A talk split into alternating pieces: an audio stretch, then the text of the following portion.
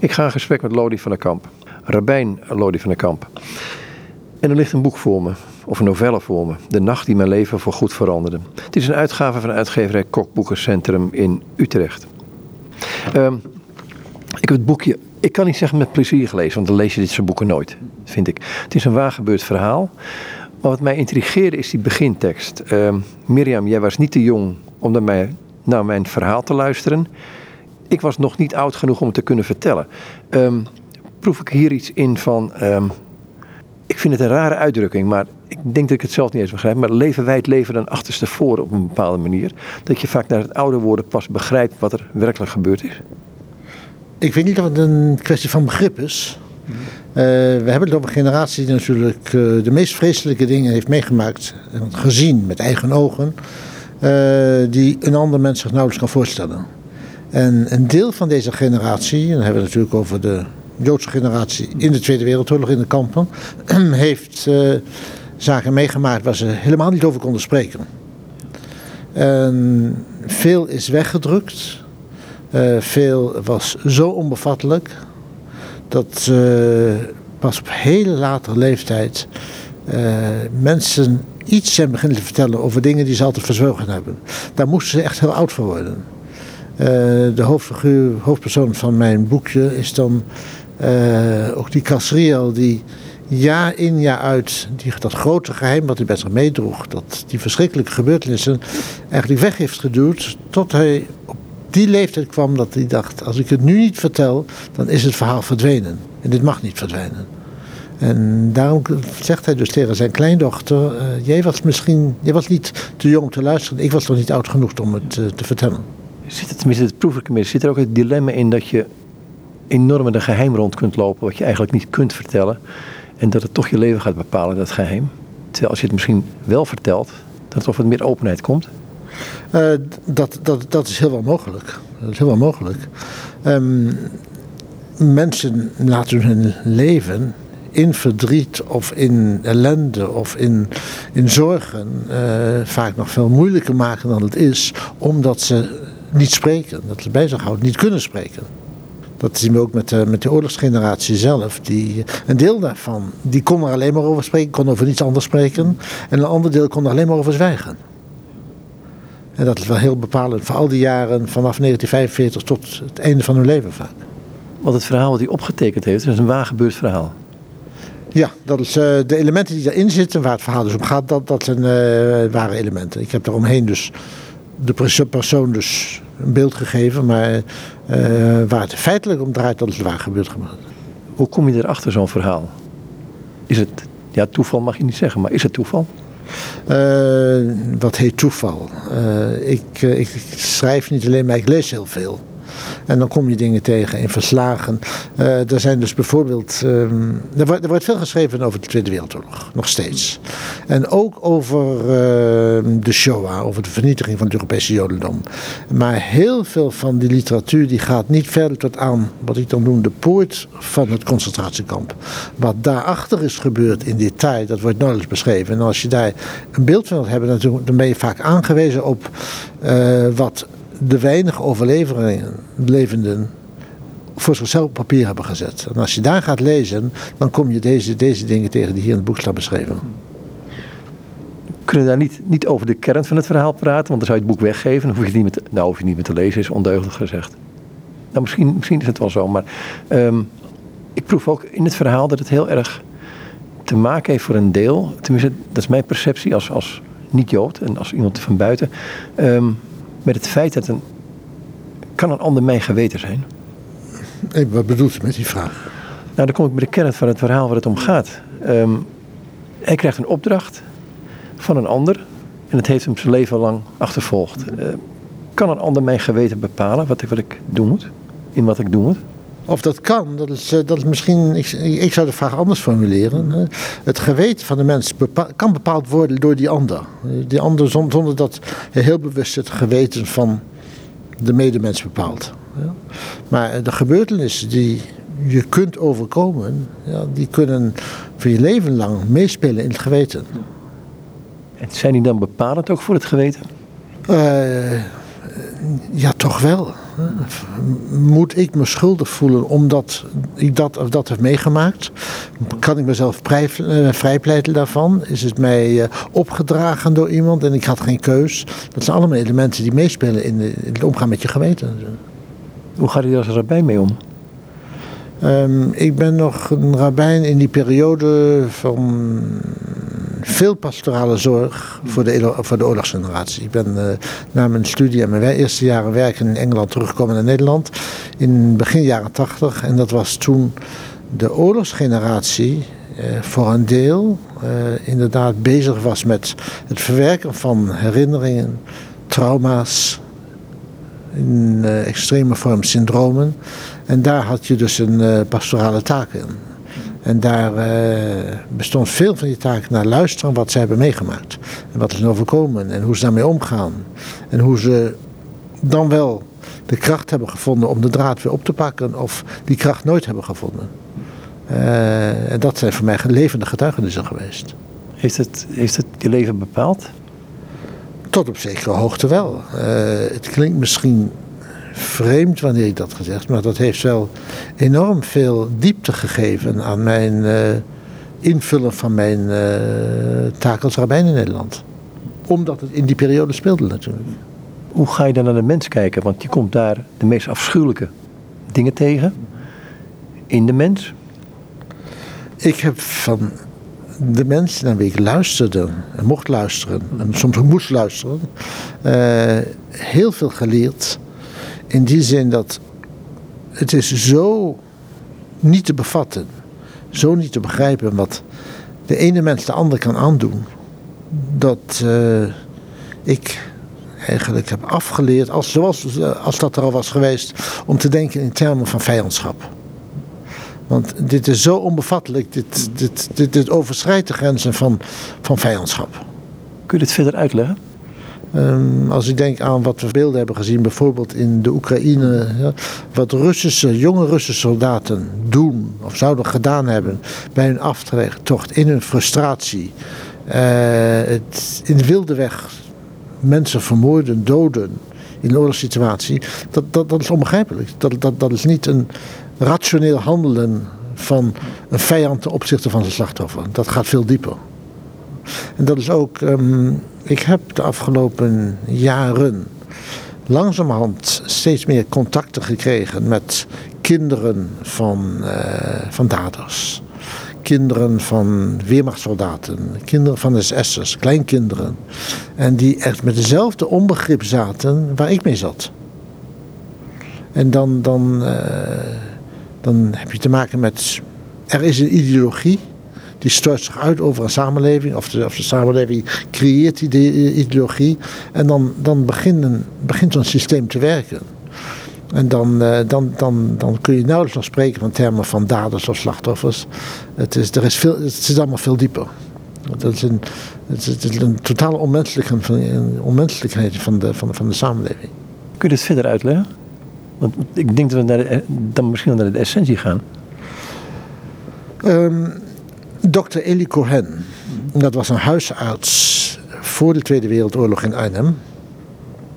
Ik heb deze Dr. Eli Cohen, die, eh, die ook nauw samen heeft gewerkt met professor Bastiaans in het toenmalige Centrum 4045, uh, die dus bezig was met overlevenden van, van de Tweede Wereldoorlog, met traumabehandeling, kampsyndromen en dergelijke. Die heb ik op latere leeftijd leren kennen en die vertelde mij uh, het volgende. Toen was hij op hoge leeftijd in het verzorgingshuis waar hij toen woonde. Hij uh, vertelde mij zijn levensverhaal. Hij had het altijd over de Elfstedentocht, zijn Elfstedentocht. En dat was zijn reis van kamp naar kamp naar kamp naar kamp in de oorlog. Hij heeft het overleefd, hij wel. En um, na de oorlog is hij teruggegaan naar Arnhem en heeft zijn huisartsenpraktijk weer opgepakt. Maar gaandeweg vulde zijn zijn praktijk zich steeds meer met overlevenden van de Tweede Wereldoorlog. Dan hebben we het over de jaren, eind jaren 50, jaren 60. Uh, dat was het moment dat die generatie ook een beetje brak. Eerst heel veel weggestopt, weer aan de slag, gezinnen stichten, de draad oppakten, maar dan op een gegeven moment, dan, ja, dan, dan, dan wreekt zich dat toch. En dan, dan, dan wordt ook in Nederland zichtbaar de term kampsyndroom en en oorlogstrauma's en dergelijke. En gaandeweg vult zijn praktijk zich steeds meer met mensen overleven. En hij was weliswaar huisarts, maar dat was toch, werd toch langzamerhand een soort, hij noemde dat zijn specialisme, ook vanuit zijn eigen ervaringen. En hij vertelt mij dat midden jaren 60 voelde hij een hele sterke behoefte vanuit zijn werk om nog één keer zo'n kampbeeld te ontmoeten. Om te proberen te verstaan, te begrijpen wat, wat, wat, wat een man bezielde om dat te doen wat hij allemaal gedaan had. Hij heeft uh, via via afspraken gemaakt met iemand. En hij heeft verteld ook, hij heeft drie keer die afspraak moeten afzeggen, want op het moment dat het erop aankwam, toen, toen kon hij het niet opbrengen. Maar toch, uiteindelijk is hij naar Duitsland gereisd. En in een klein plaatsje heeft hij zo'n voormalig kampbeul ontmoet.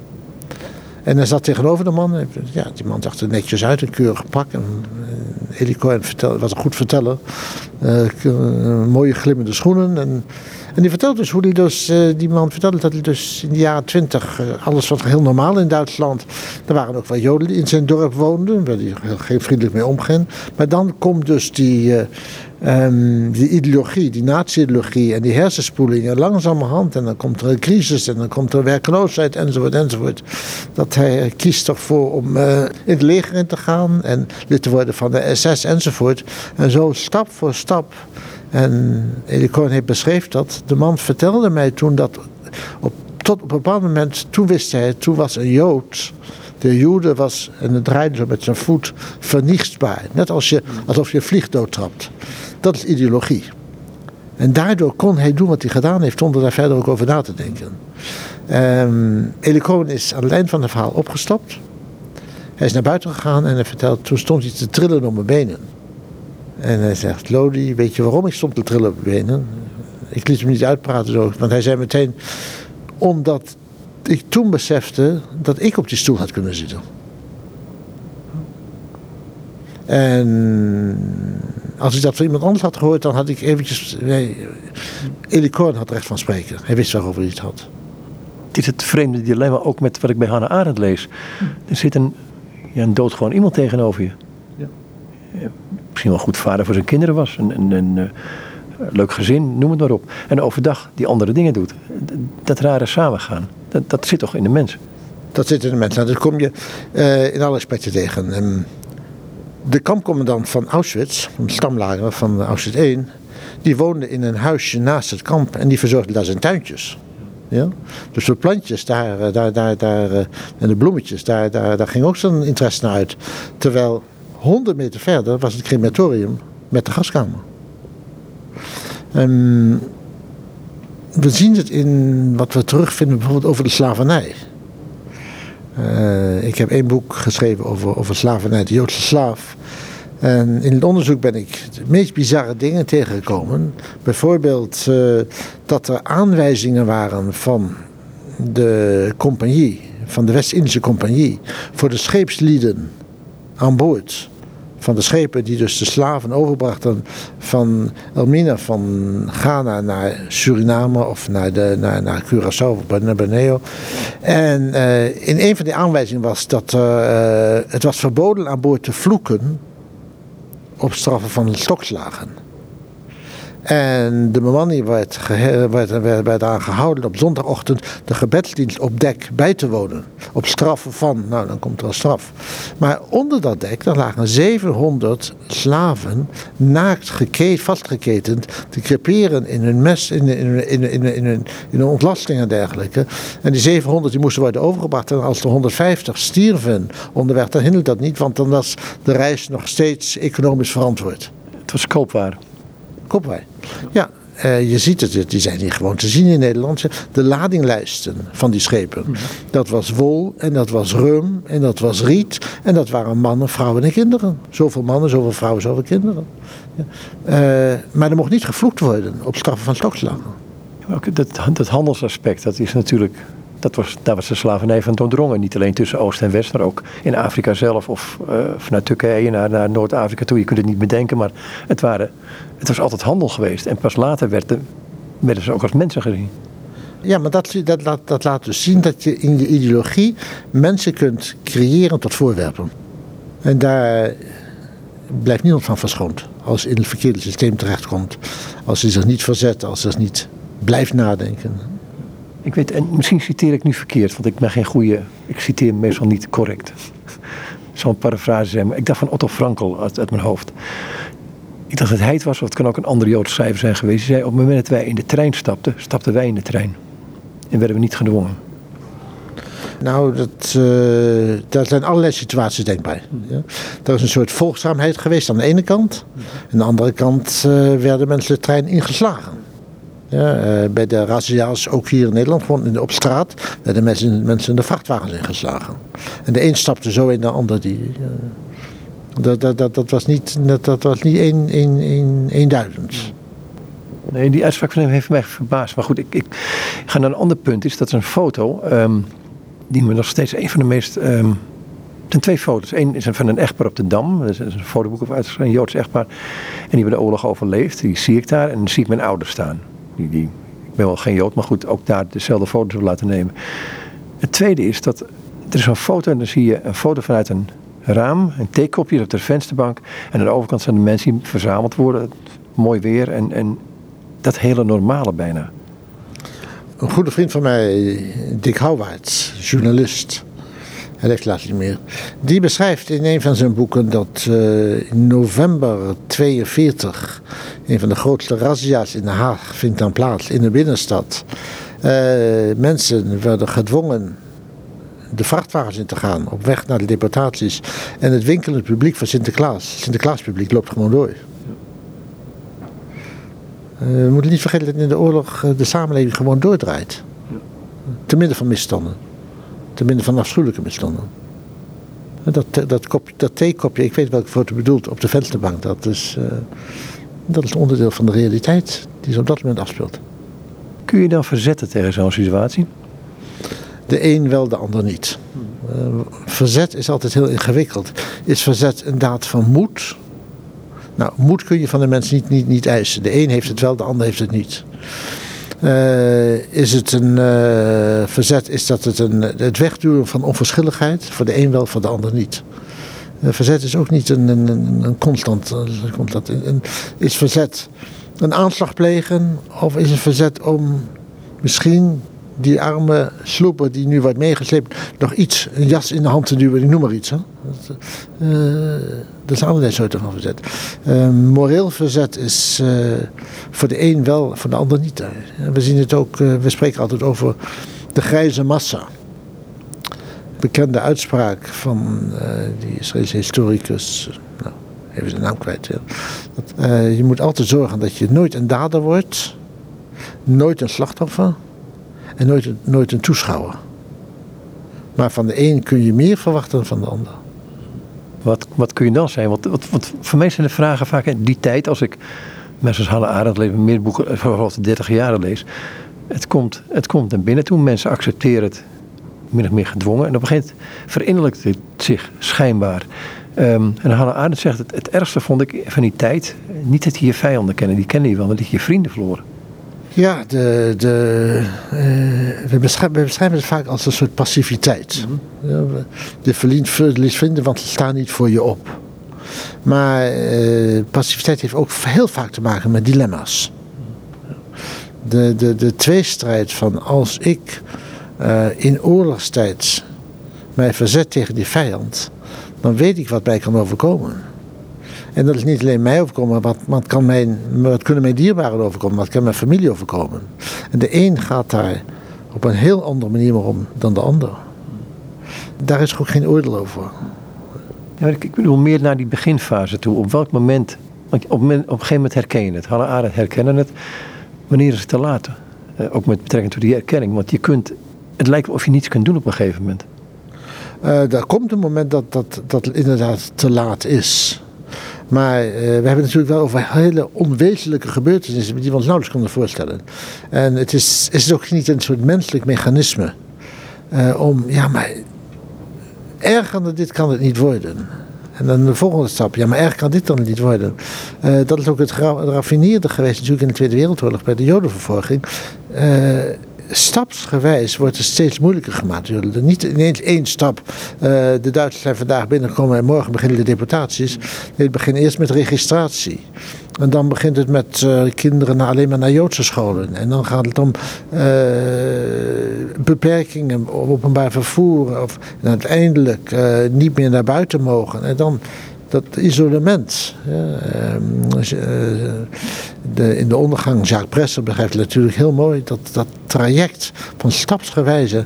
En dat leert de mens van ja, maar erger kan het niet worden. En men gaat zo schrikken. En, ja, en dat geldt niet alleen voor de slachtoffers, dat geldt ook voor de omstanders.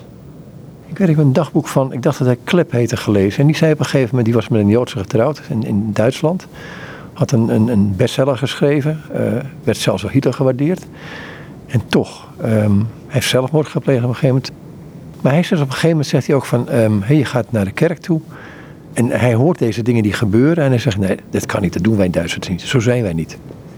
Dat is, dat, dat is het ongeloof. Dat is ongeloof, ja. Terwijl uh, Dominic Bonhoeffer, die heeft meteen gezien wat er aan de hand was. En die heeft, heeft gezegd, dit doen wij dus wel. Dus kennelijk doen wij hele verkeerde dingen.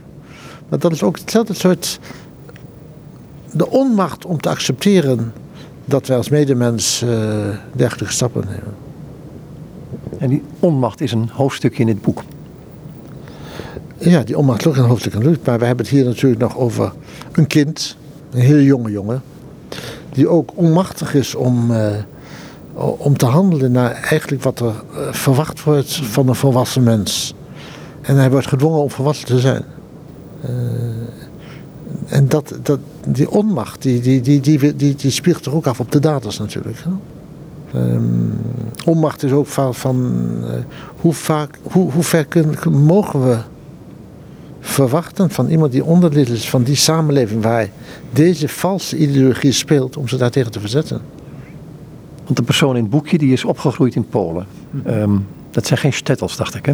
Ja, dat zijn stettels. Dat zijn de stettels. Dus het, dat zijn, wat mij, wat mij verbaasd heeft voor die gemeenschap, ik heb er nodig over gelezen, um, is eigenlijk de, de, de, de vredelievendheid, als ik het zo mag zeggen. Dat is wel al niet, niet allemaal superheiligen geweest zijn, maar dat wil ik zeggen. Maar wel het feit dat, dat, um, dat het geweldloos was. En zelfs um, een bepaalde vorm van verdediging niet aanwezig was. Niet in staat zijn om zich te verdedigen. Nou, dat misschien wel, maar toch niet doen. Dus heel erg vanuit, uh, misschien vanuit de Joodse Torah en Tenach leven. Dat proef ik daar. Dus dat het heel belangrijk is ook om de kinderen naar een, een, een, een, um, een Torah-school te sturen. Dat, was onderdeel van, van, dat is onderdeel van de levensstijl. Dat was toen, dat is nog steeds in die gemeenschappen zo. Ja. Um, en men is niet bezig om zich te accommoderen naar de vreemde omgeving die, die hem omringt. Het is natuurlijk een, we zijn natuurlijk een, toch wel een beetje naar binnen gekeerde gemeenschap. We zijn bezig om ons te beschermen tegen secularisatie, tegen assimilatie zo je wilt. Ja. En dat eist wat. Dat, dat, dat, dat eist een, een, hele bijzondere eigen levensstijl. Die zo niet aansluit bij de leefomgeving. En op die manier wapent men zich ook niet tegen die, tegen die leefomgeving. Waarom worden zij dan toch geslachtofferd, vraag ik me af. Dat is een vraag die alleen de eeuwige kan beantwoorden. We kunnen heel veel vragen stellen. En we zouden misschien zelfs antwoorden proberen aan te dragen, maar uh, dat zijn altijd dubieuze antwoorden. Het is beter met een vraag verder te leven dan met een dubieus antwoord. Want je zit in het boek, zeg je op een gegeven moment trauma en traditie ook tegenover elkaar. Je zegt, het een gaat niet. Nee, en trauma en traditie gaan niet met elkaar. Dat, dat, dat wil niet. Voor die leeftijd, uh, we, we, hebben het hier over een, uh, mm -hmm. twee, twee, uh, twee personen. De een is ouder dan de ander. De een heeft nog herinneringen aan zijn ouderlijk huis. De ander veel minder. En die herinneringen aan het ouderlijk huis die doen pijn. Want dat is er niet meer, dat is vernietigd. En daardoor maakt hij dus een keuze. Het is niet, het is niet een keuze tussen, tussen geloof en niet geloof. Het is een keuze tussen pijn en, en minder pijn. En, en dat gaat niet samen. Wat mij verbaast in het boekje dan, is dat ondanks het feit dat hij zich uh, enorm in zichzelf opsluit. En het gaat zelfs zo ver dat, hij, dat het tot een stuk ondankbaarheid leidt. Maar waar hij zich wel van bewust wordt op een gegeven moment. Later. Dat hij zegt van hé, hey, ik ben ondankbaar geweest. Ja, want het, uh, hoe zeg je, het, uh, het bloed kruipt waar het niet gaan kan. Hij is grootgebracht vanuit generaties Jodendom. En daar leeft hij in verder.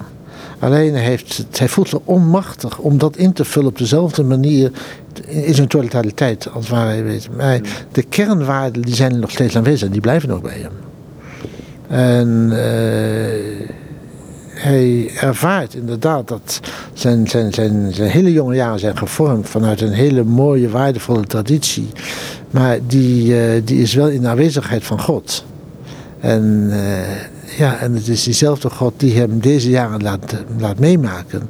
En dat, dat, dat uh, zet grote vraagtekens bij hem, die zelf, waar hij zelf geen antwoord op heeft. En zo moet hij verder. Hij manoeuvreert zich als het ware, als het ware op die manier verder door het leven. Wat zijn die kernwaarden van het Jodendom? Ik heb het over toen in die stettel. Zijn die nog hetzelfde als nu? Ja, die zijn nog hetzelfde als nu. Ja. Daar zien we in Nederland niet zoveel van, omdat onze Joodse gemeenschap Nederland ja, toch wel ver verwijderd is van, van, van uh, die levensstijl die ik hier beschrijf. Maar uh, binnen de grote Joodse gemeenschappen is dat stetterleven nog net zo aanwezig als, uh, als dat er toen was. Op een andere plek, wat minder massaal als toen zichtbaar was, maar het leven is precies hetzelfde nog. Waar het bestaat, het leven? Uh, voor de Jood bestaat het leven uit het leven volgens de Torah. Volgens wat God ons geboden heeft. Ja. Het systeem van de 613 verboden. Het geloven in die almacht van God. Het geloven in de toekomstverwachting van het Jodendom. Nou, alles wat, uh, wat het Jodendom ons via zijn woord ge geboden heeft. Maar er is zo'n stettel in, in Polen, maar ook in Oekraïne, um, en waar ook in het oosten. Um, hoe zag het dagelijks leven daaruit? Want het was een, een soort leven. Um, eigenlijk hoor ik het in het antwoord al een beetje terug hoor eerder. dat toen Joden vanuit het oosten naar Duitsland kwamen bijvoorbeeld in de twintig jaren, vorige eeuw. Dat die ook al eens een beetje, ja wat, wat, is het, wat zijn dit voor mensen gezien werden en door de geassimileerde Jood? Uh, het was natuurlijk een naar binnen gerichte gemeenschap die er aan hechtte om vast te houden aan alles wat de voorgaande generaties gaven. En dat uitte zich ook in hun eigen taal, in het Jiddisch. Dat uitte in hun onderwijssysteem. Het, de Joodse school, het Joodse godsdienstonderwijs. Het uitleg ook het vasthouden aan de kleding, aan de eigen kleding van toen allemaal. Want iedere aanpassing wordt gezien als een concessie aan secularisatie, aan emancipatie, aan verlichting. Dus daar was men heel, heel krachtig in. En uh, onder druk van vervolging, armoede, pogroms enzovoort, uh, was er een stroom op gang gekomen of naar Amerika te gaan of naar West-Europa. Ook een heel klein beetje in Nederland. We hebben bijvoorbeeld in, in, voor de Tweede Wereldoorlog vanaf de jaren 20 ongeveer een hele kleine Oost-Europese Joodse enclave gehad in Scheveningen. Een klein stukje hier in Amsterdam. In dat opzicht was Nederland wat minder goed bedeeld dan bijvoorbeeld Antwerpen of Engeland of Parijs. Maar uh, die gemeenschap die, die, die verplaatst zich in, in, in, in, uh, met haar eigen levensstijl naar Oost-Europa. Ja, zij werden ook bijvoorbeeld in het vooroorlogse Duitsland, in, in Berlijn, daar had je dus het Scheunenviertel. Dat was het, uh, een deel van wat later Oost-Berlijn is. Daar woonden die Oost-Europese Joodse gemeenschap die gewoon even de grens was overgestoken vanuit Polen naar Duitsland toe. Maar die werd gezien door het uh, seculiere Joods-Duitsland als ja, de Ostjuden, middeleeuwse uh, gemeenschappen. Terwijl ze helemaal niet middeleeuws waren, maar ze hechten aan hun eigen levensstijl ter behoud van het Jodendom. Um, op een gegeven moment over de kernwaarden van die hij. Um, zeg, hij liet wel een aantal. Um, hij kon zich niet meer verenigen met het, het, Jodendom zoals hij het geleerd had bij zijn ouders, want er waren te veel herinneringen. Toch bleven die kernwaarden bij hem aanwezig. Wat waren die kernwaarden? Hij, um, hij, leeft, hij doorleeft zijn hele leven, maar houdt vast aan Jodendom. Hij heeft, heeft ze niet Jodendom de rug toegekeerd. Hij, um, hij kan niet meer in alle volheid het Jodendom in praktijk brengen zoals dat thuis voor zich had gezien. Hij, um, bijvoorbeeld uh, op een bepaald moment ontmoet hij weer een zijn van de geestelijke leiders, die hij ook van voor de oorlog uh, gezien had. Althans, zo'n zo, zo, zo, zo een figuur. En dan uh, weigert hij hem te ontmoeten. Hij kan hem helemaal niet ontmoeten, want dat is die herinnering. Maar op het moment, hetzelfde moment draait het niet om en is hij onverschillig. Nee, hij barst in tranen uit. Ja. Omdat hij daarin herkent, dat is zijn Joodse leven, daar is hij mee verknocht ook wanneer hij dus uh, op een gegeven moment na de oorlog dus in, wordt opgevangen, dan blijft hij strijden tussen vasthouden aan en, uh, en, en, en, en, daarvan weglopen. Um, hij, uh, hij blijft, hoe dan ook, heel erg intensief Joods. En wat is dat dan? Wat zijn dan die kernwaarden van dat Jodendom? Ja, dat, dat is niet alleen de sabbat en dat is niet alleen de spijswet. Dat is niet alleen leven volgens de regels of het, of het geloof, maar dat is ook een heel incentriek verbonden blijven met de Joodse gemeenschap. Met het Joodse volk. Die hij dus ook niet terug toekeert.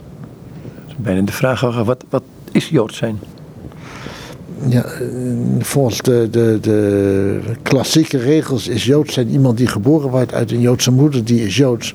Maar uh, is ook invulling geven op de Joodse manier vanuit de Torah, vanuit, van, van, vanuit de Bijbel, vanuit de openbaring die God heeft gedaan bij de berg Sinai. Dat is Joods zijn. Uh, er, zijn ja, er zijn natuurlijk allerlei modernere invulling van Joodse cultuur. Of uh, bezig zijn met Zionisme of bezig zijn met antisemitisme. Dat is geen Jood zijn. Ja, waarom niet? Uh, Jood zijn heeft te maken met de bron waar Joodland begonnen is. En waar is dat begonnen? Dat is begonnen bij het verbond dat God heeft gesloten met Abraham. En als je dat, dat stukje van afsnijdt, dan, dan, dan blijft er traditie over. Dan blijft er iets wat je, wat, je, wat je voor je hebt gezien. Maar dat is niet, dat is niet de verbondenheid met Jodendom. Toevallig op dit moment, of toevallig, de, profeten aan lezen weer. Of tenminste het hele Oude Testament, ga ik dan door. En bij die profeten kom ik heel herhaaldelijk tegen, niet van, ehm, niet altijd het vingertje leggen op wat verkeerd gaat, maar meer van keer terug tot mij, dat, dat persoonlijke. Ja, keer terug tot mij. En wij vragen God, keer terug tot ons en dan zullen wij terugkeren. Alleen door God op te zoeken kunnen wij terugkeren tot God zelf. wij vragen God om terug te keren naar ons. Ja, we hebben zijn hulp nodig, zijn steun nodig. Uiteindelijk leven we al 2000 jaar in diaspora. We hebben zijn steun nodig, ook geestelijk terug te keren. En alleen met zijn steun kunnen wij weer terugkeren. Maar het gaat altijd over die terugkeren tussen die relatie tussen God en de, en de Jood. Is dat het, ik mag het geen eeuwig dilemma noemen, maar is dat het enorme dilemma wat er voortdurend in ligt? Uh, dat, dat is eigenlijk geen, nee, dat, dat is geen dilemma. Wij, be, wij beschouwen het jodendom uh, anno nu. Mm -hmm. Ja, en anno nu vanuit een, uh, een seculiere, seculiere levensbeschouwing, vanuit een seculiere samenleving, vanuit een jodendom wat in dit stukje van de wereld heel erg geassimileerd is. Uh, maar dan, dan, dan kom je dus op het idee dat er een ander soort jodendom is, dat er, dat er, dat er een, een, een lichtere vorm van jodendom is. Of, ja, het gaat erom wat jodendom is. Jodendom is niet wat er afspeelt binnen de muren van het Joods Historisch Museum. Jodendom is wat er afspeelt in de synagoge, s ochtends bij het ochtendgebed, middaggebed, avondgebed, zeven dagen per week. Um, wat, uh, hoe de Joodse keuken eruit ziet, dan gaat het niet of wat lekker is of niet lekker is. Het gaat erom, dit, zijn de, dit, dit, dit, dit geeft het Torah ons aan om zo te leven. Dat heeft God ons geboden. Ooit in een yeshiva dacht ik in Israël had Shema Israël meegemaakt. Maar dan gaan de rillingen over je rug. Ja, want dat is, uh, dat, dat, dat, is, dat, dat is authentiek. En er is geen, uh, er is geen, geen, geen, vervanging, geen, geen vervangend jodendom. Is het ook de, de basis van het jodendom? Ik, ik ga vanuit het Shema Israël toe. Wat voor het gemak, als we het over de tien geboden hebben, wel eens vergeten wordt? Uh, de essentie is het erkennen en het leven met de uniciteit van God. Er is maar één God. En het is die ene God die voor ons heeft bepaald wat Jodendom is. En iedere deviatie daarvan, iedere afwijking daarvan is dus een afkering van, van dat wezenlijke van God ten opzichte van het Joodse volk. Het is niet voor niets dat koning Salomon, die zou de Shirashiri met hooglied hebben geschreven. En de beste manier waarin hij die relatie tussen God en de Jood kan beschrijven, die, ja, daar heeft hij dus een uh, allegorisch heeft hij dat het voorbeeld genomen van die, die, die uniciteit tussen man en vrouw. dat is het enige wat wij ons een beetje iets bij kunnen voorstellen. Maar dat is wel de weg die de Jood moet wandelen om zijn verbondenheid met God. Er is geen andere weg voor de Jood. Dat is een weg van intimiteit. Ja, en dat is iets anders dan, uh, dan gaat afwijken of een soort atheïstisch jodendom of een seculier jodendom. Of een, ja. Is deze week is ook dodenherdenking. Uh, ik heb mijn kinderen altijd geleerd van die twee minuten die zijn voor mij wezenlijk. Om stil te zijn. En gelukkig accepteren ze dat allemaal, moet ik zeggen. Ik erg me altijd dat mensen die gewoon door blijven rijden, nog steeds. Wat herdenkt u op dat moment? Ik herdenk eh, het moment dat ik mijn ouders op die, eh, op die avond van 4 mei zag staan.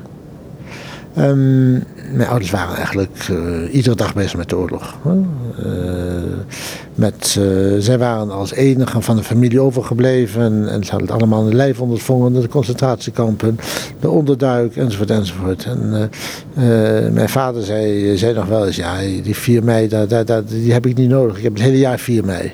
Ja.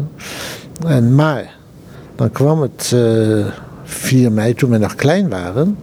Mensen, ik heb een iets oudere zus dan ik. Dan, uh, in de voorkamer stonden mijn ouders dan tegen achter voor het raam. Naast elkaar. En wij zaten op de bank achter. En dan zagen onze ouders, ja, zagen ze huilen. Ja. Uh, toen wij wat ouder waren, toen uh, gingen wij als kinderen naar de monumenten bij ons niet zo ver vandaan. En dan, liep, was daar de stille tocht, daar liepen wij als kinderen mee. Maar onze ouders gingen niet mee, die bleven thuis. Dat is 4 mei. Ik heb ook nooit die, die massale herdenkingen. Die, die, die... Ik heb ooit, was toen, toen ik rabbijn was in Amsterdam, toen ben ik uh, ook een keer gevraagd om mee te werken aan de uh, Nationale Dodenherdenking op de Dam. En toen moest ik een psalm voorlezen in de Nieuwe Kerk. En na de eerste een paar dagen van tevoren een generale repetitie. En toen werd me verteld, nou wanneer de aalmoezenier op de kansel staat en hij zegt die zin, dat, dan moet u dus naar de kansel toe lopen. En zo was het van seconde tot seconde heel bepaald. Uh, die hele 4 mei herdenken in de kerk werd alleen maar bepaald voor mij van welk moment moet hij naar de kansel lopen en wanneer, welk moment moet hij klaar zijn. En ja, dat, dat, dat, dan denk je nou dat is het summum van herdenken in Nederland, maar dat is dus helemaal niet voor mij. Daarin heb ik gezegd, zo hoeft mij niet meer te vragen. Met alle respect overigens natuurlijk. Dat is heel belangrijk, die, die herdenking natuurlijk. Maar dat, uh, ja. Dat hele gebeuren, hè? wij zijn beide van na de oorlog. Nou, um, u bent Joodse ouders, dus die, de enige die overgebleven waren uit de familie. Um, voor mij misschien wat moeilijker dan, dan voor u, maar hoe verinnerlijk je dit? Hè? Dit, dit, dit, dit herdenken? Um, hoe verinnerlijk je dat? Dit is een wezen van jezelf. Um, wij zijn als kinderen opgegroeid dus met ouders die... Mijn vader kwam na 2,5 jaar uit Auschwitz. Mijn moeder die heeft ondergedoken gezeten op twaalf verschillende plaatsen het hele land door. En na de oorlog komen ze dus achter dat uh, de eerste echtgenoot van mijn vader met twee kinderen zijn omgekomen. Mijn moeders ouders zijn omgekomen, broers zijn omgekomen, om zijn tanden, neefjes en nichtjes. Uh, ja. uh, in die sfeer zijn wij grootgebracht. Dat had onverlet dat wij een hele normale, ja, gewone jeugd hebben gehad. Ja, eh, wanneer wij jarig waren, nou, dan, dan kwamen de vriendjes thuis op het verjaardagsfeest. En mijn moeder die, die zong liedjes met ons. Dat was nog maar, nou, hoe lang na de oorlog. Uh, en mijn vader die had een hobby, die, die, die, die, die van hout maakte alle mooie dingen voor ons. Voor mijn zus heeft ze een mooi poppenhuis gemaakt. Nou, wij waren nog kleine kinderen, vier, vijf jaar oud. Dus dat, dat was ons normaal. Maar uh, er waren momenten dat onze ouders heel verdrietig zagen. Uh, er kwamen tantes bij ons op bezoek thuis. Wij, dachten, wij, wij wisten niet meer dat waren tantes. Dat waren gewoon oudere dametjes uit het Joods bejaardentehuis in Enschede. En de ene dag kwam tante Mina, en de andere dag kwam tante Alte. Dat waren allemaal weduwen die hun familie kwijt waren. Ja, die kwamen dan, dan gingen ze bij ons en dan gingen ze bij andere Joodse mensen om de boer zoeken. Zo, zo, zo, zo, zo sleten ze hun dagen. Dus dat, dat was de sfeer na de oorlog in, in onze kleine Joodse gemeenschap in Enschede. Alles werd bepaald door, uh, door de Tweede Wereldoorlog, door de Shoah. Uh, dus ja, en dan is herinneren, herdenken is maar een, een momentopname in dat hele leven. Je zou dus door het hele le leven heen willen trekken eigenlijk. Kan dat? Uh, ja, uh, maar onze ouders hebben ons wel geleerd, althans geprobeerd te leren, dat die oorlog niet bepaald mag zijn voor je leven. Ja. Wij zijn nooit opgevoed met haat. Wel eerste jaren met boosheid, maar niet met haat. Um, nou, wij woonden dus in Enschede aan de grens met Duitsland, maar we gingen nooit de grens over. Toen, ik ging, nog, toen ik ging studeren, ehm, dat was dus midden jaren 60. ik, mijn eerste deel van de studie moest naar Zwitserland, daarvoor moest ik naar Zwitserland. Nou, dan reisde ik vanuit Enschede met de trein helemaal om Duitsland heen, via België, Frankrijk, om in Zwitserland terecht te komen. Dat, dan ging je niet naar Duitsland. Maar dat was, niet, dat was een soort wegdenken van dat Duitsland, dat past niet meer in onze wereld. Nu zijn de Duitsers welkom? Uh, dat is natuurlijk een hele nieuwe generatie. Ja. Ik heb een paar jaar geleden, toen werd ik gebeld door een Duitse predikante. Die was hier in Nederland, in Amsterdam, voor een congres. Ik ken haar niet over, maar die, die wilde dus een aantal rabbijnen hier in Amsterdam ontmoeten om hun, hun, hun schuld te beleiden voordat ze de stad Amsterdam weer verlieten. Er waren een aantal Duitse predikanten, jonge predikanten. En um, toen heb ik in eerste instantie gezegd, uh, ik heb hem meteen gevraagd, hoe oud bent u? En dat was van na de oorlog. Ja. Dan hoeft u ook geen schuld te beleiden, want u bent niet schuldig. Ja? Misschien voelt u een bepaalde verantwoordelijkheid als Duitse, dat begrijp ik. Nou, uh, ze wilden toch komen, toen hebben we een heel uh, indringende gesprekken met elkaar gehad. Van wie ben ik als naoorlogse om schuld te accepteren, schuldbeleid te accepteren namens wie? En wie bent u dat u schuld moet beleiden? U, ja, voor wat ouders, misschien grootouders, andere familieleden, andere Duitsers hebben gedaan. Dus hebben het gaat over, over verantwoordelijkheid. Um, ik kom regelmatig in Duitsland nu. Ik ben vaak voor congressen of andere bijeenkomsten. En daar spreek je dus met een nieuwe generatie Duitsers. Waarvan ik duidelijk herken dat Duitsland ook echt iets met haar geschiedenis heeft gedaan. Bondskanselier Merkel is natuurlijk een heel klassiek voorbeeld, maar ook de gewone burger, ook predikanten, um, ook, ook, ook, ook uh, kinderen met een heel moeizaam uh, verleden. Uh, vanwege hun ouders, grootouders. Ik heb ontmoetingen gehad met, met, met, met kinderen van weerwegsoldaten of van oud-SS'ers. Of, waarvan ik vind dat die heel belangrijk zijn ook, ook, ook spreek ik wel met kinderen die uit een uh, NS, uh, NSB-gezin komen. Die ontzettend geleden hebben voor iets waar zij zelf niet schuldig aan waren. Zij waren kinderen. Ja. Maar hun hele leven werd bepaald door, door, door die schuldenlast. En uh, ik denk dat het heel belangrijk is dat wij elkaar daar ook in helpen. Dat is ook een verantwoordelijkheid. Wanneer wij dat niet doen, wie moet dat dan doen? Wij hebben het over de Joodse Maar dat is voor heel veel van mijn geloofssoorten, met alle respect, toch, toch, toch nog te, veel, te, te ver gegrepen. En schuld is een merkwaardig ding. Of een merkwaardig ja, gevoel is het eigenlijk niet, maar merkwaardige. Is het een eigenschap? Ik weet het eigenlijk niet. Um, want ik, ik, de nodige mensen of die zeiden: Ja, ik ben, als enige ben ik overgebleven. En die voelden zich daar schuldig om. Uh, maar kom ook, het woord schuld kom ik ook in het boekje tegen. Uh, terecht of niet terecht, dat wil ik even in het midden laten. Schuld is een heel ingewikkeld proces. Uh, schuld is ook uh, een gevoel over een momentopname in het leven. Uh, zo goed als het Joodse slachtoffer, dat wat hem is overkomen, haar is overkomen, op een bepaald moment heeft moeten zeg maar, accommoderen in het eigen leven, zo geldt het ook voor, voor, de, voor degene die de schuld draagt.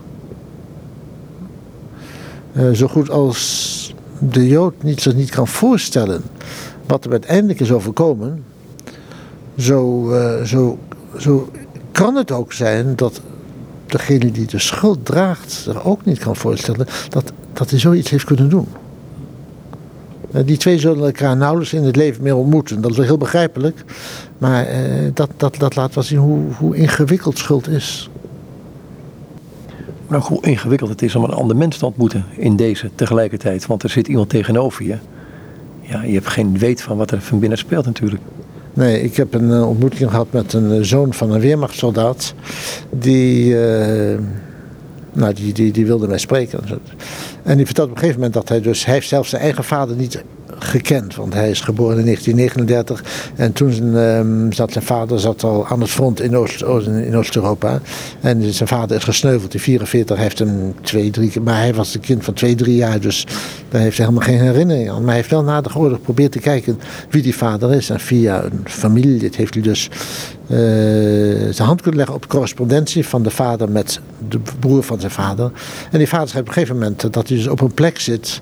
En daar gaan ze een actie, een action gaan ze doen enzovoort. En nu blijkt dat een plek te zijn waar veel van mijn familieleden is opgekomen. En dan, dan komt het ineens heel dichtbij. En dan zie je tegenover elkaar. Ja? En dan uh, beschouwen we ons eigenlijk niet als kind van een slachtoffer, kind van een dader. Maar als je twee mensen overheen tegenover elkaar die, die, die iets te delen hebben met elkaar. Maar dat is natuurlijk een heel uniek moment dat het allemaal heel dichtbij komt. Hè? Ik heb de uitspraak wel eens gehoord dat iemand zei van ja, in ieder mens woedt een oorlog. In ieder mens, ja, dat is ook een, een Joodse gedachte. Hè? We hebben allemaal een goede neiging en een kwade neiging. En dat kunt je vertalen in uh, lief zijn of stout zijn. Maar in het meest extreme kan het zijn tussen uh, heel erge dingen doen of hele goede dingen doen. Um, de kampbeulen in de concentratiekampen kwamen voor een deel uit dat T-45-programma, dat het vernietigingsprogramma van zwakzinnigen in Nazi-Duitsland, daar, daar, hadden ze aan meegewerkt. Dat was allemaal in het kader van de wetgeving in Duitsland. En dat gaf hun de morele kracht om hetzelfde te doen in, de concentratiekampen. Een normaal mens doet dat niet. Het is niet voor niets dat de wodka rijkelijk vloeide na aankomst van een nieuw transport in de kampen. En dan denk je, wat, en dan denk je dat zijn niet alleen moordenaars, maar ze zuipen ook nog. Nee, eh, dat hele proces was nodig om de mens, om het mogelijk te maken de mensen om dit, dit te doen. En dat laten we zien over die mens. Zonder, lukt, zonder dat lukt het niet. Is het dan zo, dat, dat proef ik er ook een beetje in, dat, um, dat ze voorgeprogrammeerd, ja, ik weet niet hoe het zo moet zeggen, voorgeprogrammeerd werden in het, in het punt van um, het Rijk, de regering, is jullie geweten? Ingedoctrineerd. Het was een, het was een hersenspoeling.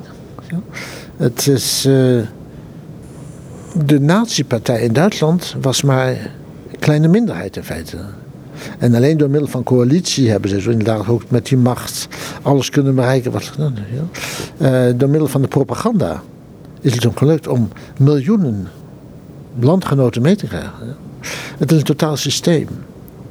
Uh, en dat is indoctrinatie, dat is hersenspoelen, dat is, uh, en dat is ook zo gevaarlijk. We, we, zijn gauw geneigd te zeggen, ja, wat wij nu om het heen zien in ons samenleving, dat mogen we niet vergelijken met Duitsland. Uh, we moeten niet kijken hoe het daar is afgelopen, we moeten kijken hoe het begonnen is. Dat is heel essentieel. Wat er nu in Nederland ik noem maar iets, uh, extreem rechts, allemaal roept. Ja? We, we, we, hoeven er niet vanuit te gaan dat het zich eindigt in, nou, in een massavernietiging van welk volksdeel dan ook. Nee, je moet kijken waar het begonnen is en hoe het begonnen is. En daar, daar, daar, daar, daar ligt het gevaar. Zeg je, zeg je dan, ik kom weer op dat geweten terug in je regering. Um, daar was het nou duidelijk. Um, dat de regering ik heb hetzelfde eh, gezien in een film van een Israëliër, over de, de, de moord op de communisten in 1965 eh, in, in uh, Indonesië. Dat mensen gewoon gewetenloos, noem ik het dan, die moorden pleegden. Want ze kregen de opdracht van de regering. Dus die was een regering. Waardoor ze ook uit het oog verloren wat goed en kwaad was. Um, we verbazen ons vaak wanneer we het hebben over Nederland-Indië. Ja? Nederland had zelf als slachtoffer hier gezien waar toen Nazi-Duitsland de staat is. Ja? En nog geen drie jaar daarna begaan de slachtoffers dezelfde daden die ze voor zich hebben gezien hier in Nederland. En dat laat zien dus hoe, hoe, uh, hoe zwak wij mensen eigenlijk zijn. Ja, je zou bijna kunnen zeggen, uh, dit kan, nou zoals Eli Cohen, als ik op die stoel had gezeten. Ja. Uh, dus Nederlandse burgers die hier nog in de hongerwinter hadden geleden onder de Duitsers. Die hier hadden gezien de deportaties van de Joden. Ja, die hadden gezien hoe ons, ons land geknecht werd door vijf jaar bezetting. Zij gaan naar Indonesië of naar Nederlands-Indië en begaan oorlogsmisdaden. Ja, als dat nog gedaan was tegenover, noem maar iets, tegenover nazi zelf, ja, dan had je het kunnen afdoen als onmenselijk, maar wraak of wat dan ook. Ja? Maar hier tegenover anderen. Ja, ja en dat die anderen daar ook niet allemaal zo netjes over Nederlanders. Uh, ja. Maar dit te kunnen doen Dat, dat, dat maakt het aan de ene kant onbegrijpelijk, aan de andere kant maakt het heel erg begrijpelijk. Het griezelig, hoe, eh, eigenlijk hoe griezelig is dat het zo begrijpelijk is. Het is voor het door de regering gestuurd in wezen. Ja. Ik ga toch naar 65, naar wat Indonesiërs hun eigen volksgenoten aandeden, de communisten in dit geval. Ik heb in die film heb ik het nogmaals verbaasd over het feit dat mensen die die, die misdaden gepleegd hebben, zonder blikken of blozen, met een glimlach op het gezicht dat vertelde. En een van de mensen begon pas het geweten te spelen op het moment dat hij deze dingen aan zijn kleinkinderen vertelde. Toen kwam er iets van, ho, mijn geweten. Ja, en dat laat zien dat uh, niemand is zeker, uh, kan zeker zijn dat hem dit niet overkomt. Dat, uh, de grens tussen dader en slachtoffer is menselijk gesproken heel, heel, heel, heel, heel, heel, heel dun. De scheidslijn. Is het dan zo, dan kom ik misschien. Nou ja, ik kom het in het boekje ook tegen. Hebben wij dan verlossing nodig? Uh, als u mij vraagt vanuit het Jodendom, hebben we zeker verlossing nodig. Ja? Alle misstanden, alle misstappen die een mens begaat, kan alleen maar uiteindelijk gered worden door een verlossing. Dat is misschien iets anders. De Joodse verlossing ziet er dan wat anders uit dan de christelijke verlossing, maar dat zien we te zijn tijd wel. Dat dacht ik ook. Um, um, een van de dingen die, die ik in het boekje tegenkom, en misschien ga ik nu een hele andere kant nog een keer op, maar ik denk dat het er wel mee te maken heeft. En misschien moet ik dan gewoon een, een citaat en een psalm nemen um, om het te illustreren. Uh, in mijn nood roep ik tot u, tot God. En dan staat er niet hij antwoordde mij, maar hij antwoordde mijn ziel. Is dat begrip van ziel een wezenlijk begrip in het Jodendom? De ziel, dat, dat, dat, dat, dat is het meest geestelijke wat je als mens in je hebt. Dus uh, wanneer die, die, die, die ziel antwoordt, dan komt het van binnenuit. Ja? En zowel uh, het goede in de mens als het kwade in de mens komt vanuit de ziel. Dat is niet het oppervlakkige, dat is dat, dat, dat het innige van de mens. Dat is dan vanuit Jolo zo gesproken. Dus uh, als wij God aanroepen, ja, dan doen we dat ook. dan, dan, dan is dat ja, een, een, wat je letterlijk noemt in Nederland een hartekreet. Hoe sta je dan in deze maatschappij die vrij mechanistisch lijkt te worden in het denken, in het doen? Uh, hoe de samenleving eruit ziet, is voor mij geen afspiegeling van hoe de samenleving eruit zou moeten zien. Ja. Natuurlijk is het, uh, het is mechanistisch, het is, het is materieel. Ja. Uh, wanneer wij in ons land rustig kunnen slapen. Terwijl aan de grens van Europa boten met vluchtelingen worden teruggeduwd de zeeën. Ja, dan, uh, dan, dan heeft het weer van wat, wat onze afstand is, dat werkelijk humanisme, dat werkelijke mensenliefde. Wanneer wij uh, met een gerust geweten thuis kunnen zitten terwijl we weten wat vluchtelingen, hoe die opgevangen worden, als zal opgevangen worden. Ja. Als er wordt gesproken over quota en over uh, uh, wat is bepaald of ik vluchtelingen hier naartoe komen. Ja, bepalend is wat andere landen doen. Dat, dat, dat, dat, dat, dat, dat is geen humaniteit. Dat is mechanisme. En daar is wat mij betreft de politiek uh, blijft daar in hele grove mate in, in gebreken. Dat boekje, die novelle, waarom heb je dat nu geschreven eigenlijk? Als ik even terug naar het boekje ga af, afgaan op het vorige gesprek. Een hoop thema's laten, laten liggen, denk ik ook, uit het boekje. Maar um, waarom dit boekje in deze tijd? Um, in deze tijd, die vraag snap ik niet helemaal. Want het is van alle tijden. Het verhaal is van alle tijden. Wij hebben uh, in Nederland de, het godsgeschenk dat wij op ons eigen grondgebiedje, tussen de grens van Duitsland en de Noordzee, 80 jaar geen oorlog hebben gehad. Dat is nog nooit gebeurd in de geschiedenis. Wij leven daarom nog steeds met de geschiedenis van de Tweede Wereldoorlog. Uh, waarom weten wij zoveel, zo weinig van de Eerste Wereldoorlog? Of allereerst omdat, ja, wij waren neutraal natuurlijk, maar de gevolgen van de Eerste Wereldoorlog die waren desastreus in Nederland. We zijn lang vergeten dat uh, Napoleon hier uh, de baas was in ons land. We zijn lang vergeten dat er een is, oorlogsconflict tussen Nederland en België. Uh, en de Tweede Wereldoorlog is 80 jaar geleden, die zijn we helemaal, omdat er nooit iets anders daarna is geweest. Goddank niet. Dus, en daardoor dreigt ook die Tweede Wereldoorlog heel dominant te worden in ons gedachten. het is zelf best opmerkelijk dat de belangstelling voor de Tweede Wereldoorlog kennelijk lijkt te groeien in plaats dat die afneemt. Ja. Uh, daarom, uh, als dat dat zo is, dan moet ook oppassen dat de, de ware geschiedenis met het ware denken van de mens en het falen van de mens en, en het goede van de mens, dat dat ook vanuit de oorlog zichtbaar blijft. Nou, dat heb ik geprobeerd in dit boekje een beetje zichtbaar te maken. Is dat, is dat, is dat wat eronder ligt ook nog? Um, heb de moed om eerlijk tegen jezelf te zijn? Ja, absoluut. Absoluut, ja. Uh, moed ook om de geschiedenis echt onder ogen te komen.